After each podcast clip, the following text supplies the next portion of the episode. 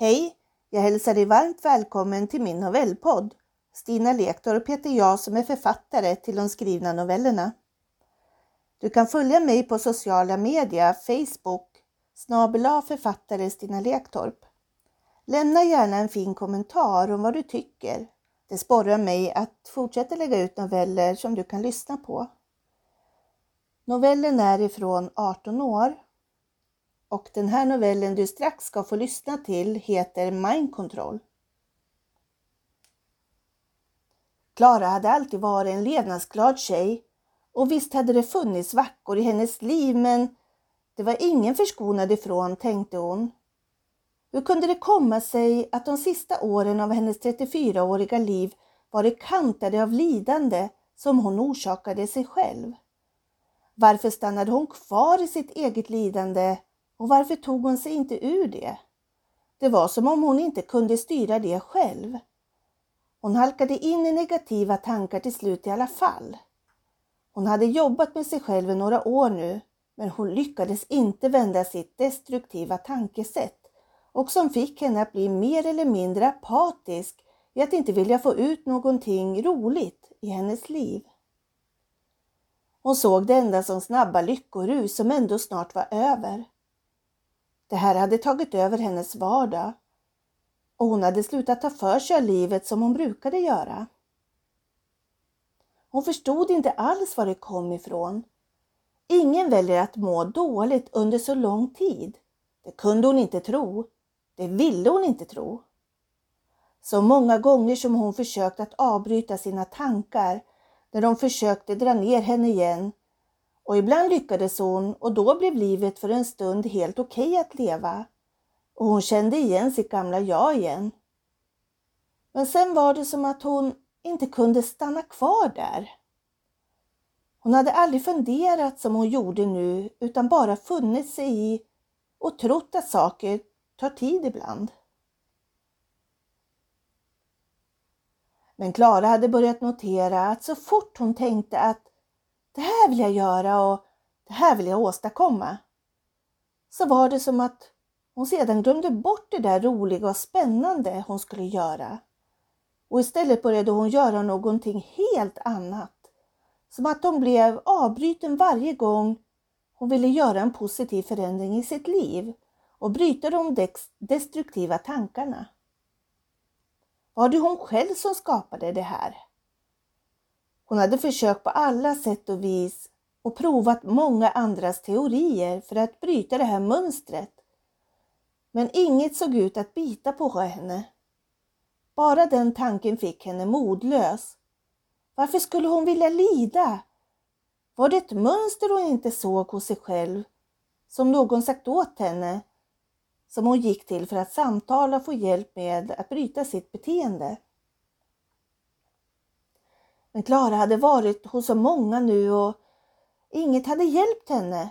Och någon hade sagt till henne att om inte Klara själv ville förändras så skulle hon vara kvar i det här tankemönstret. Klara hade kämpat och verkligen fokuserat varenda dag och flera gånger om dagen på att bryta sina tankar när de hamnade i negativitet. Hon hade också avbrutit sina tankar och gjorde det än idag. Negativa tankar har alla, så hon skulle få lära sig att avbryta dem och hade gjort det också i några år. Men ändå hade hon inte lyckats förändra sitt liv på grund utav att när de var på väg så började hon tänka på att göra annat. Det här tog på hennes krafter att börja om ifrån början varenda gång. Det var som en ond cirkel hon hade hamnat i. En dag sa Klaras mamma du följer med mig till Mexiko. Jag har köpt biljetter redan så du kan packa. Vi åker om några dagar. Hennes kära mamma ville få henne att tänka på annat nu än att bara fokusera på sina tankar och beteende. Det hade blivit osunt för Klara tyckte hon. Två dagar gick och på den tredje dagen satt de tillsammans, Klara och hennes mamma, på ett jättefint hotell i Mexiko. Klara njöt och fokuserade på allt det vackra hon såg och maten smakade ljuvligt. De fick mycket skratt då kulturkrocken gav dem roliga upplevelser och de tog dagarna som de kom. En av dagarna sa Klaras mamma att hon skulle åka till en by som låg en längre bit bort. Det blev minst sagt en skumpig färd och Klara hade funderat om de ens skulle komma levandes hem igen. Hennes mamma avbröt henne med, med att skratta och sa att nu var hon där igen med sina negativa tankar. Nej, sa Klara. Jag har katastroftankar, vilket du också borde ha mamma, tillade hon. Och så skrattade de hjärtligt för att överkomma rädslan av att bussen så ruskade fram efter vägen de åkte på tillsammans med andra resenärer. Äntligen var de framme. Resan hade känts som 20 timmar istället för två timmar som den egentligen hade tagit dem. Klara hade frågat sin mamma i bussen vad det var de skulle åka och titta på. Vänta så ska du få se, svarade hennes mamma lite hemlighetsfullt. När de klivit av bussen såg Klara att en kvinna stod och vinkade åt deras håll. Klara puttade på sin mamma och sa Det står en kvinna där och vinkar. Ja, utbrister hennes mamma, så bra.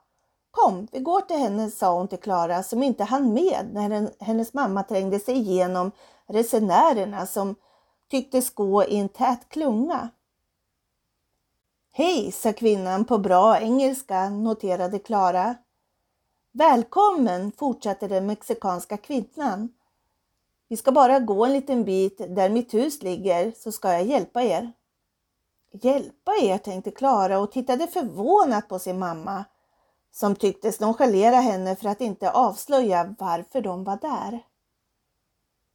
Kom nu Klara, fråga inte så mycket. Du kommer att förstå snart, sa hennes mamma i en bestämd ton men ändå mjuk.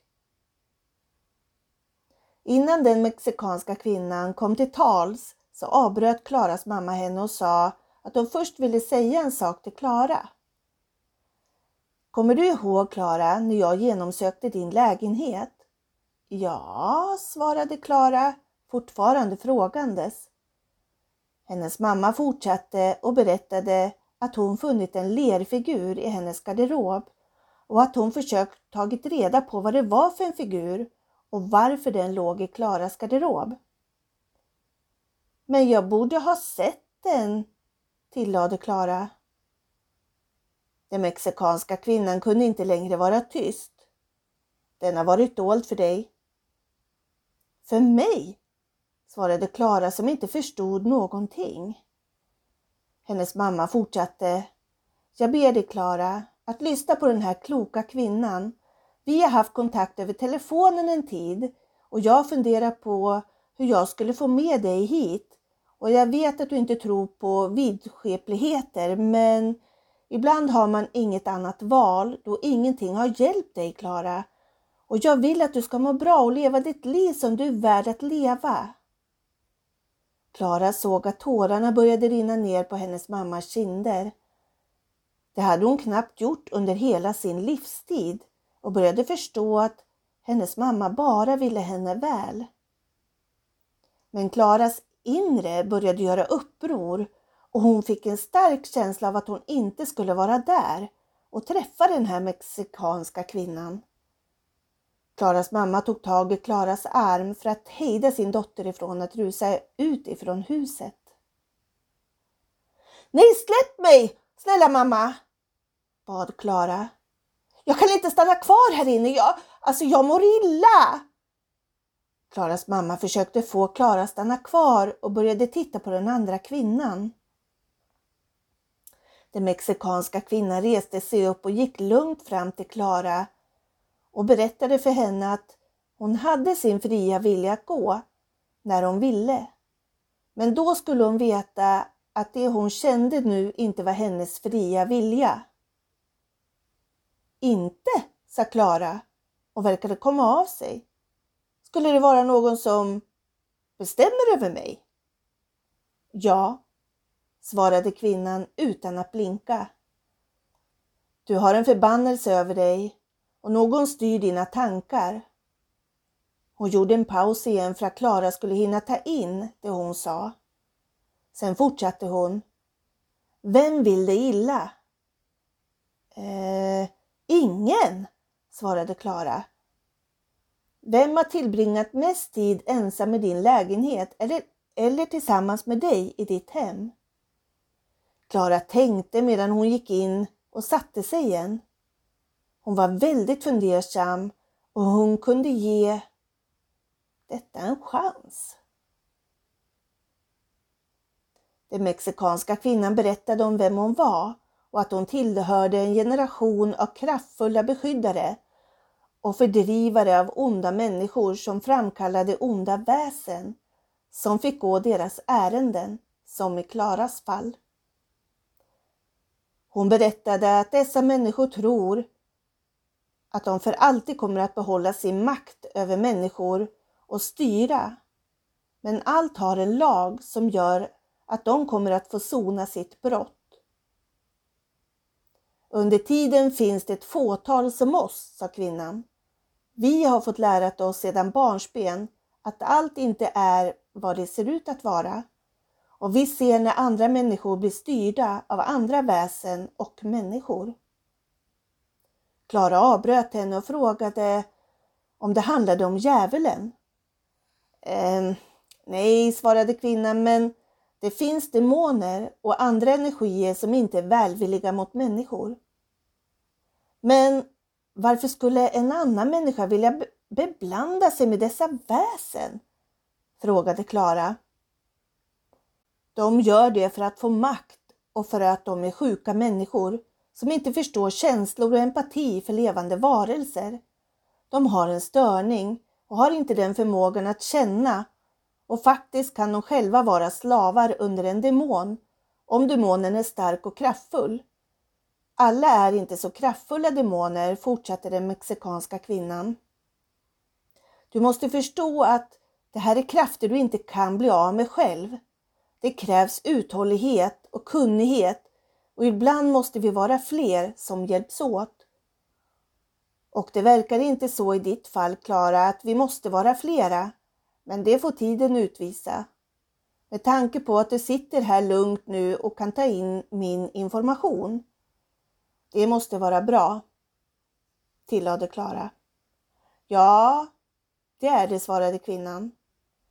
Anledningen till att ni inte får veta mitt riktiga namn är för att dessa energier inte ska sätta sina spår på mig eller hitta mig. Klara lyssnade med intresse men efter ett tag började hon känna av en rastlöshet hon reste sig upp och började gå omkring i rummet de satt i.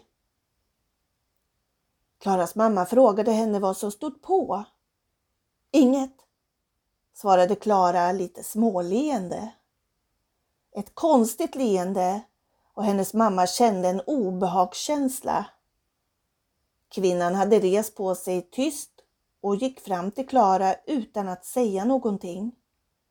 Hon hade sett och känt av Klaras förändring. Hon räckte fram sitt finger och drog ett rött streck på Klaras panna. Och Klara skriker till jättehögt och säger Det gör ont! Aj! Oh, det gör så ont! Kvinnan backar undan och viskar ramsor på ett språk Klaras mamma inte förstod. Men hon satt tyst och förskräckt med sina händer för sin mun. Efter en stund gick den fruktansvärda smärtan över och Klara kände sig som sig själv igen. Förutom de negativa tankarna som tycktes bli intensivare. Men det höll hon tyst om. Hon ville inte göra sin mamma orolig och hon var så van att dölja dem fast de malde på inne i hennes huvud. Kvinnan sa till dem båda att när kvällen nalkade skulle en förberedande ceremoni inledas. Men först måste kvinnan ta reda på vem som lagt lerfiguren i Klaras garderob. Klara började minnas och jo, hon hade en nära vän, Krille, som alltid funnits där de senaste tio åren. Men det kunde inte vara han. sa Klara till kvinnan. Krille är inte ond. Han kunde inte ens ha ihjäl en fluga. Kvinnan tillade att det kunde vara manipulation och en illusion han byggde upp. De är inte dumma på något sätt, de är väldigt smarta och ser ut sina offer. Vissa av dem skaffar också spejare som får hålla koll på vart offret är. Och när offret är på väg att göra något som kan äventyra makten över offret så sätts åtgärder in som nu ikväll, berättade den mexikanska kvinnan till Klara och hennes mamma. Vi har ingen tid att förlora. Och efter en timmes förberedelse satt Klara och kvinnan mitt emot varandra i en cirkel på golvet med målade röda symboler som fungerade som beskydd och kraft mot det de snart skulle komma att möta. Klara hade blivit instruerad att vad som än händer så ska hon sitta kvar på stolen och hålla sig i ringen. Klaras mamma hade fått instruktioner om att hon skulle hålla sig utanför ringen och i sin egen ring där hon skulle sitta och läsa samma mening om och om igen för att hjälpa Klara. Då de var sammanlänkade med stor kärlek och kärleken skulle de inte underskattas av kvinnan till de båda. Kvinnan satt med sina bara fötter i en balja vatten och hon hade den röda färgen i en skål i sitt knä. Stämningen var spänd, men ändå lugn. Kvinnan nickade menande och Klara och hennes mamma som bekräftelse på att nu börjar de. Kom ihåg att vad som än händer lämnar ni inte cirklarna. Klaras mamma hade fått symboler ritade på sina armar och ben och ett streck i pannan som Klara hade fått tidigare. Plötsligt började Klaras stol att vibrera lite smått för att efter en kort stund börja skaka ordentligt. Klara tittade vettskrämd på den mexikanska kvinnan som såg ut att ha gått in i trans och hade börjat rabbla en massa mexikanska ramsor och det lät som att hon pratade baklänges på något sätt. Klara började bli varm och tänkte att det måste vara ifrån de tända ljusen som stod i fönstret och på byrån. Kvinnan började måla symboler på Klaras armar medan hon fortsatte sitt mumlande av ramsor. Klara kunde inte röra sina armar. Det var så att de satt fastlindade i stolen hon satt på. Det började brännas i huden där symbolerna satt och Klara började grimasera illa. Håll ut Klara, sa kvinnan. Det kommer att bli värre innan det blir bättre. Smärtan blev väldigt stark och Klara skrek till så att hennes mamma kom av sig men fortsatte med att läsa det hon fått av kvinnan. Plötsligt utbrister kvinnan någonting på sitt eget språk och sträcker upp armarna upp i luften. Visa dig! betydde hennes upprepade ord. Efter en stund tillade kvinnan så att Klara förstod. Där har vi dig! Medan hon tittade ner i vattenspeglingen i baljan där hon satt med sina bara fötter. Hon beskrev att hon såg en man och att han hade en demonvarelse med sig. Klara och hennes mamma kunde inte förmå sig att säga något, men de båda drog högt efter andan.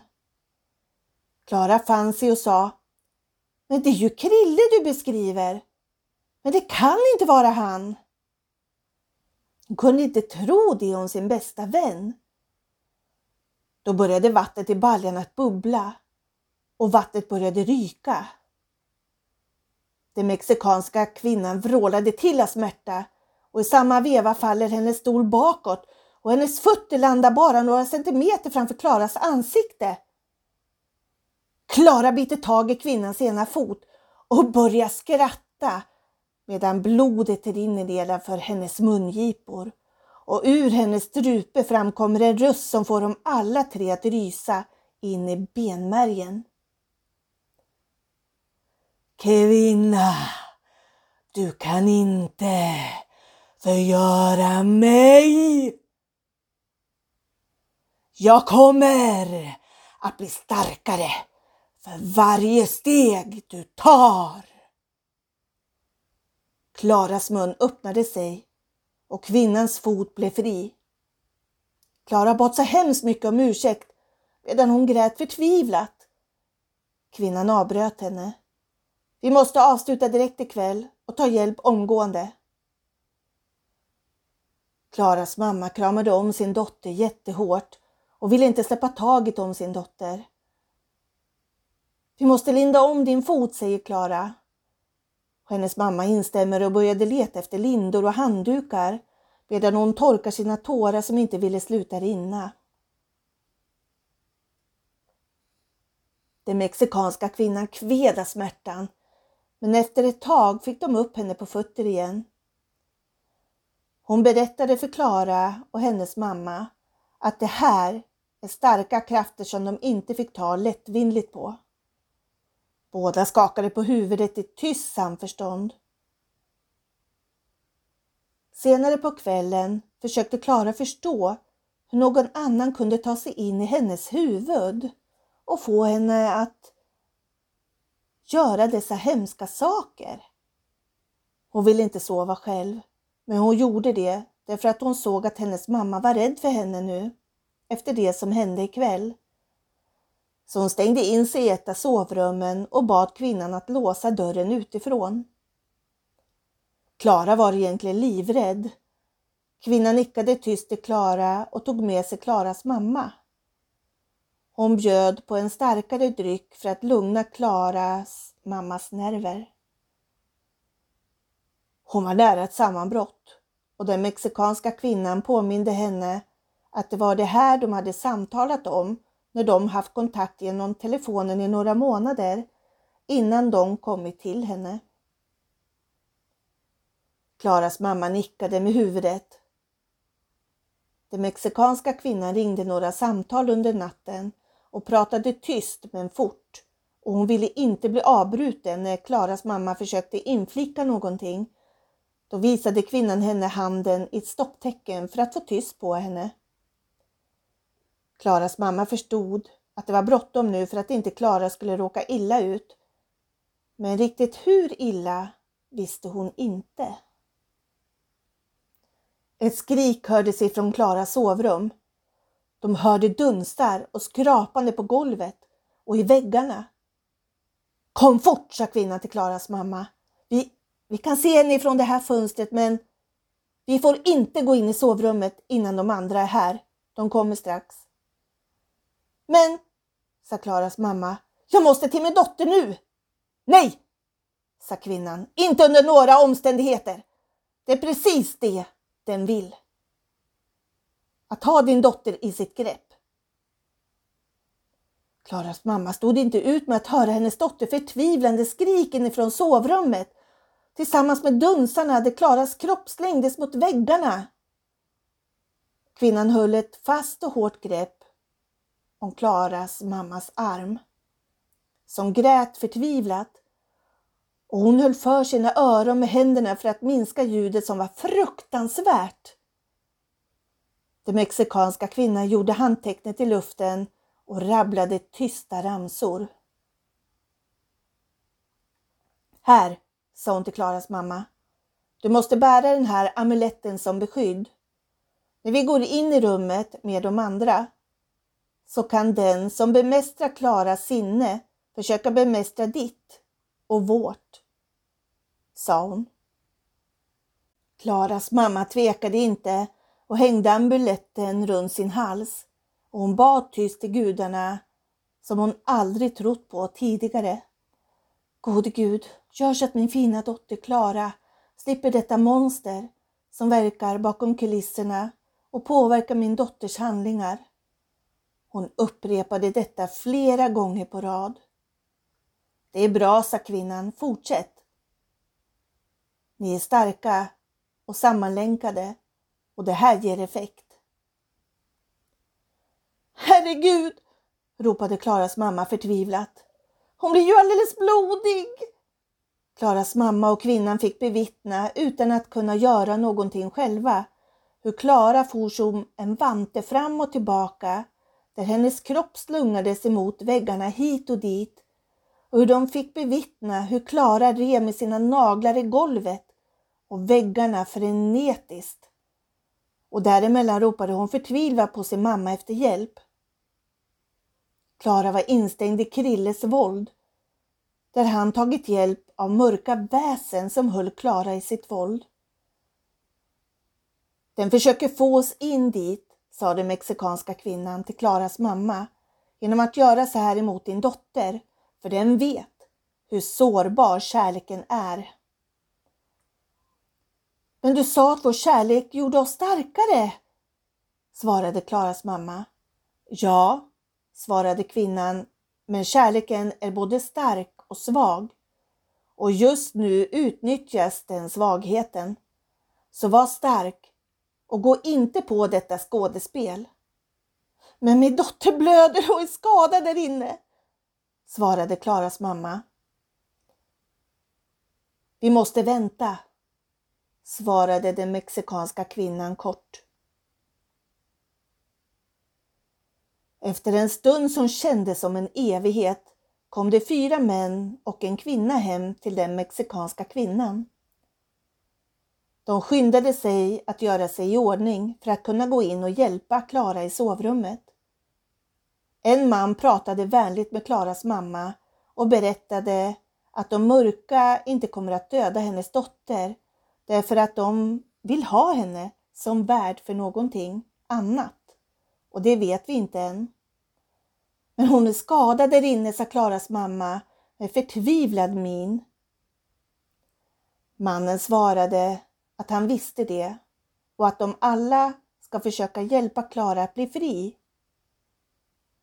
En annan av de fyra männen kom fram och samtalade med Klaras mamma och berättade att hon måste hjälpa till och vara stark med sin kärlek för sin dotter och göra exakt som han nu skulle berätta för henne. Annars var Klaras liv i väldigt stor fara. Men den andra mannen sa att den inte skulle döda henne. Nej, inte så länge den har någonting att vinna på. Så därför är det viktigt att du lyssnar väldigt noga nu på vad jag och de andra har att säga dig och hur du kan hjälpa till. Klaras mamma förstod allvaret och började lyssna intensivt för att kunna memorera allt de sa och berättade för henne. Den mexikanska kvinnan började förmedla till Klaras mamma att hon skulle blunda när hon kommit innanför rummet så att hon inte blev distraherad av sin dotters blod och vädjande blick. Sedan skulle Klaras mamma ta fram den starkaste kärlekskänslan hon hade för sin dotter och hålla kvar den starkt och hårt under hela tiden och samtidigt säga orden högt och upprepande. Mitt älskade barn, du är mitt andetag, det liv som ger mig glädje och ingenting kan någonsin ta dig ifrån mig. Kom tillbaka till mig igen. Jag älskar dig så. Klaras mamma grät av kärlek och kände vartenda ord träffa hennes själ och hjärta. Precis så svarade de nästan i munnen på varandra, männen och kvinnorna. Så ska det kännas. Bry dig inte om vad som händer och blunda hela tiden och upprepa dessa kärlekens ord till din dotter. Hon behöver dig nu mer än någonsin. Är alla beredda? Den mexikanska kvinnan satte nyckeln i låset till sovrumsdörren. Alla såg förvånade ut och undrade var Klara var någonstans i rummet. Sen hörde de ett kluckande läte som fick dem att titta upp i taket. Och där var Klara. Eller en del utav henne i alla fall. Hon såg inte ut som hon brukade utan nu var hon verkligen besatt utav demonen som tagit sig in i hennes system och närde sig på hennes rädsla. Och hur den skulle fortsätta att kuva henne till att lyda mer och mer. Mexikanska kvinnan skyndade sig och föste ut Klaras mamma så att hon inte skulle se sin dotters förvandling och sa åt henne att läsa kärlekens ord utanför den stängda dörren. Hon tillade Energier färdas förbi materian, så fortsätt att läsa högt och mena vartenda ord du läser.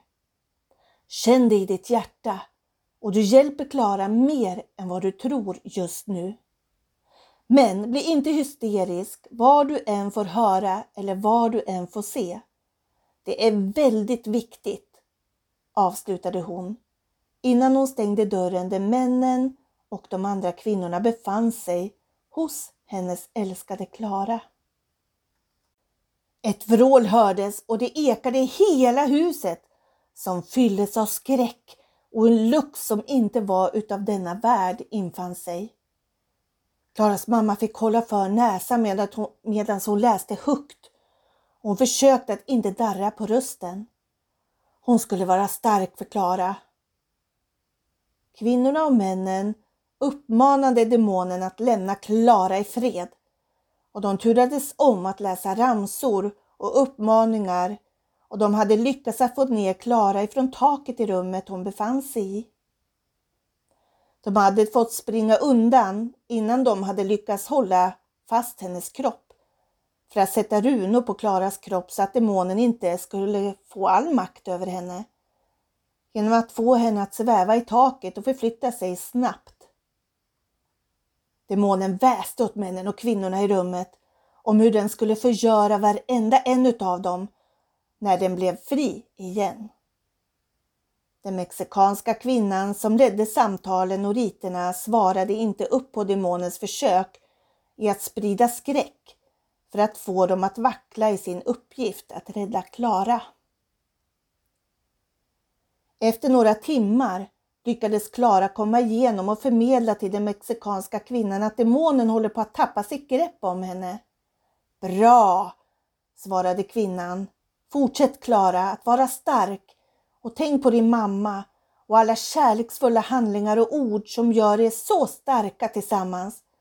Det kommer att knäcka och förgöra demonen.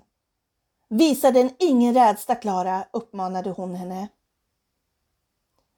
Mexikanska kvinnan ritade tecken och symboler innanför Klaras handflator där kärleken ska flöda in och där demonen ska drivas ut. Klara hade symboler även på hela sin rygg. Och demonen och Klara kämpade om kampen att vinna hennes kropp och själ. Den mexikanska kvinnan tystnade och de andra i rummet lika så. Nu måste Klara utkämpa den sista striden själv. Och det enda vi kan göra nu är att finnas här när demonen släpper taget, så var beredda och håll eran tro, fokus och övertygelse intakt samt att ha era symboler inristade på eran hud synliga så att ni inte får en överföring ifrån demonen. Alla i rummet nickade tyst och sedan följde en lång väntan. Till och med Klaras mamma höll andan, men hon fortsatte att tänka de kärleksfulla orden och känslorna hon hyste för sin älskade dotter. Det fanns ingen tvivel alls om den saken. Klara var fången i sin egen kropp och hon kämpade allt vad hon orkade. Hon var på väg att ge upp. Men så plötsligt fick hon ny inre styrka. Hon vet inte vart ifrån orden kom eller betydelsen. Men hon kände att demonen reagerade starkt på dem. Fides spes et amor. Summa est delectico. Klara upprepade dessa ord om och om igen tills hon kände dess kraft och hur demonen till slut inte ville vara kvar i hennes kropp. Klara började hosta jättemycket Och då förstod den mexikanska kvinnan att Klara höll på att vinna tillbaka makten över sin kropp och själ. Men hon avvaktade lite till innan någon kunde hjälpa Klara att helt bli fri. Och så att demonen inte kunde fästa sig på henne igen genom att låsa fast en stark energi runt Klaras kropp.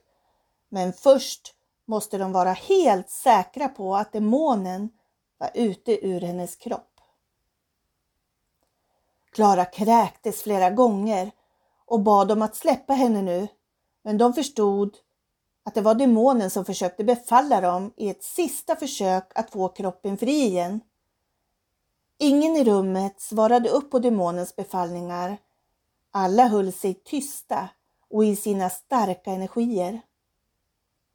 Plötsligt höjde den mexikanska kvinnan sin hand som ett tecken att nu var Klara fri och ingen tid fanns att spilla. De la en stark skyddande energi runt Klaras kropp som förankrades med de symboler de tidigare hade målat på hennes kropp. Klara grät av lättnad och utmattning medan hon hårt kramade om den mexikanska kvinnan. Klara kunde inte sluta fundera på vad de kraftfulla orden betydde och som hon fått till sig. Kvinnan svarade henne. De betyder tro, hopp och kärlek. Störst är kärleken. Det latinska ord du läste upp och mycket kraftfulla när man börjar att tro på dem, sa hon och log till Klara medan hon strykte hennes hår och tillade att det gör man när man ställs inför ultimatum och när man rabblar dem med hela sitt hjärta. Använd dem ofta och när du känner närvaro ifrån det du inte kan se. Om du känner obehag eller när helst du behöver så använder du de här orden.